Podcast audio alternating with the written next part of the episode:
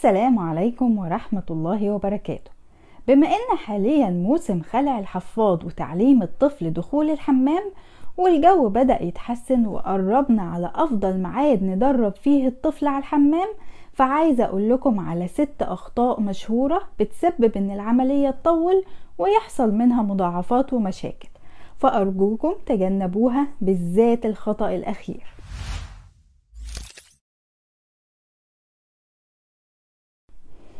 أول خطأ هيصدمكم لأن دي أهم نصيحة بتسمعيها من الكل وكمان عقلك بيقترحها عليكي وهي إنك تودي طفلك الحمام كتير كل نص ساعة أو ساعة أو ساعة ونص يوم ما تصبري عليه قوي وده مع الأسف غلط جدا لأن الطفل بداية من عمر سنة ونص مسانته بتقدر تستحمل البول لمدة ساعتين بدون أي مشاكل. فانت لما بتودي الطفل كل نص ساعة ما بيكونش أصلا حس بزنقة الحمام وبالتالي عمره ما هيفهم إن المفروض يروح الحمام لما يحس إحساس الزنقة دي. وغير كده هتخلي الموضوع ممل قوي ويزهق منه بسرعة لأن كل نص ساعة بتجبريه يقطع اللي بيعمله عشان يروح يعمل حاجة هو مش حاسس بوجودها أصلا. عشان اثبتلك إن ده غلط هل انتي بتروحي الحمام كل نص ساعة؟ أكيد لأ. يبقى ليه عايزة تعودي طفلك على حاجة زي دي؟ الخطأ التاني إنك تقعديه فترة طويلة. طبعا ده مترتب على الأولاني لأن الطفل أصلا مش محتاج يروح الحمام وبالتالي هيقعد فترة طويلة على ما يلاقي حاجة يفضيها وده بالنسبة له تعذيب. القعدة نفسها بتوجع الجسم وكمان الحمام مكان ممل جدا في حد ذاته. ولو فكرتي تشغليه بموبايل أو قصة يقراها فانت كده دمرتي الدنيا أكتر لأن مش هيكون مركز خالص في جسمه واللي بيحصل فيه. وكل اللي هتطلعي بيه شوية يورين نزلوا بمحض الصدفة وملهمش أي قيمة. فياريت ما تقعديش الطفل مهما حصل أكتر من خمس دقايق. الخطأ الثالث سهل قوي إن إحنا نقع فيه وهو إن إحنا نسأل الطفل إذا كان عايز يروح الحمام أو لأ ومية في المية بيقول لأ حتى وهو واقف يتلوى من الزنقة وماسك نفسه بالعافية.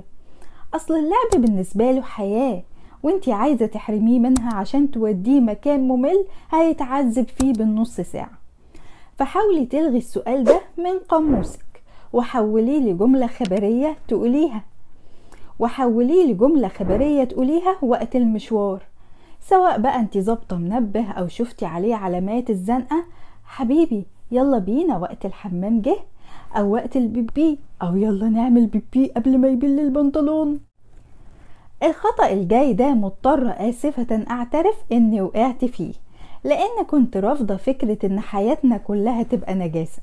فقررت أدرب ابني وهو لابس البامبرز اللي على شكل أندروير وكنت عارفة إنه هيطول جدا بس ما فرقش معايا الوقت مادام هتخلص من البهدلة عارفين ليه بيطول؟ لأن الطفل لما بيحصل له حادثة ويعمل على نفسه ما بيحسش بالبلل بسبب امتصاص البامبرز لكل السوائل وبالتالي ما بيقرفش ولا يتضايق عكس لو لابس هدوم عادية مش هيطيق يقعد بيها لحظة واحدة مبلول طيب لو ظروفكم لا تسمح بالبهدلة ومضطرين تدربوه بالبامبرز تعملوا إيه؟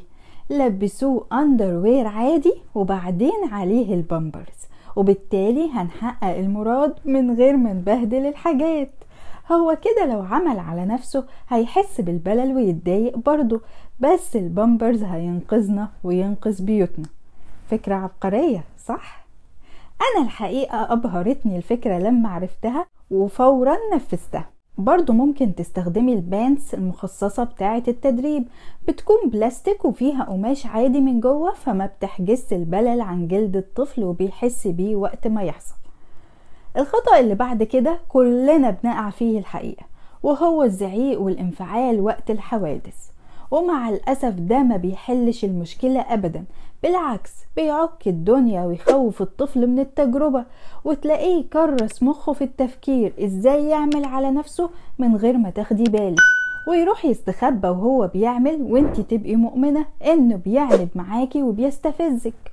ومن هنا أحب أنصحك لوجه الله شوفي حلقة شعرية بلبن العصفور وكذلك شرح كتاب المخ الكامل على القناة عشان تفهمي الطفل بيعمل كده ليه.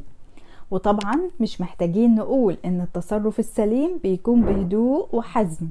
يعني تقولي له أنا ما بحبش حد يعمل بيبي على الأرض بتاعتي. البيبي مكانه الحمام بس. شفت هدومك اتبلت وباظت إزاي؟ يلا نغيرها ونشوف هنفكرك إزاي المرة الجاية لما البيبي يجي. إيه رأيك لما تحسه هينزل؟ ترقص وأنا أخدك أوديك بسرعة جدا قبل ما ينزل. آخر خطأ في منتهى الخطورة لأنه بيسبب أمراض جسدية. وهو إنك تجبري الطفل يعمل stool أو براز وهو رافض وخايف فيبتدي يمسك نفسه بإرادته ويجيله إمساك. وبعدين الإمساك يوجعه وقت الحمام والألم يخليه يخاف أكتر فيمسك نفسه أكتر فالإمساك يزيد أكتر. وحلقة مفرغة قاسية جدا وعلاجها صعب. فما تجبريش الطفل أبدا في النقطة دي بالذات. ولو خايف فعلا ومصر يعمل الكيكي في البامبرز أرجوكي جربي الحل المبدع السحري اللي في الفيديو اللي ظاهر على يميني دلوقتي. وما تنسوش تشوفوا كل خطوات التدريب في الفيديو اللي ظاهر على شمالي دلوقتي. وقلبي معاكم جميعا. دمتم في صحة وسعادة.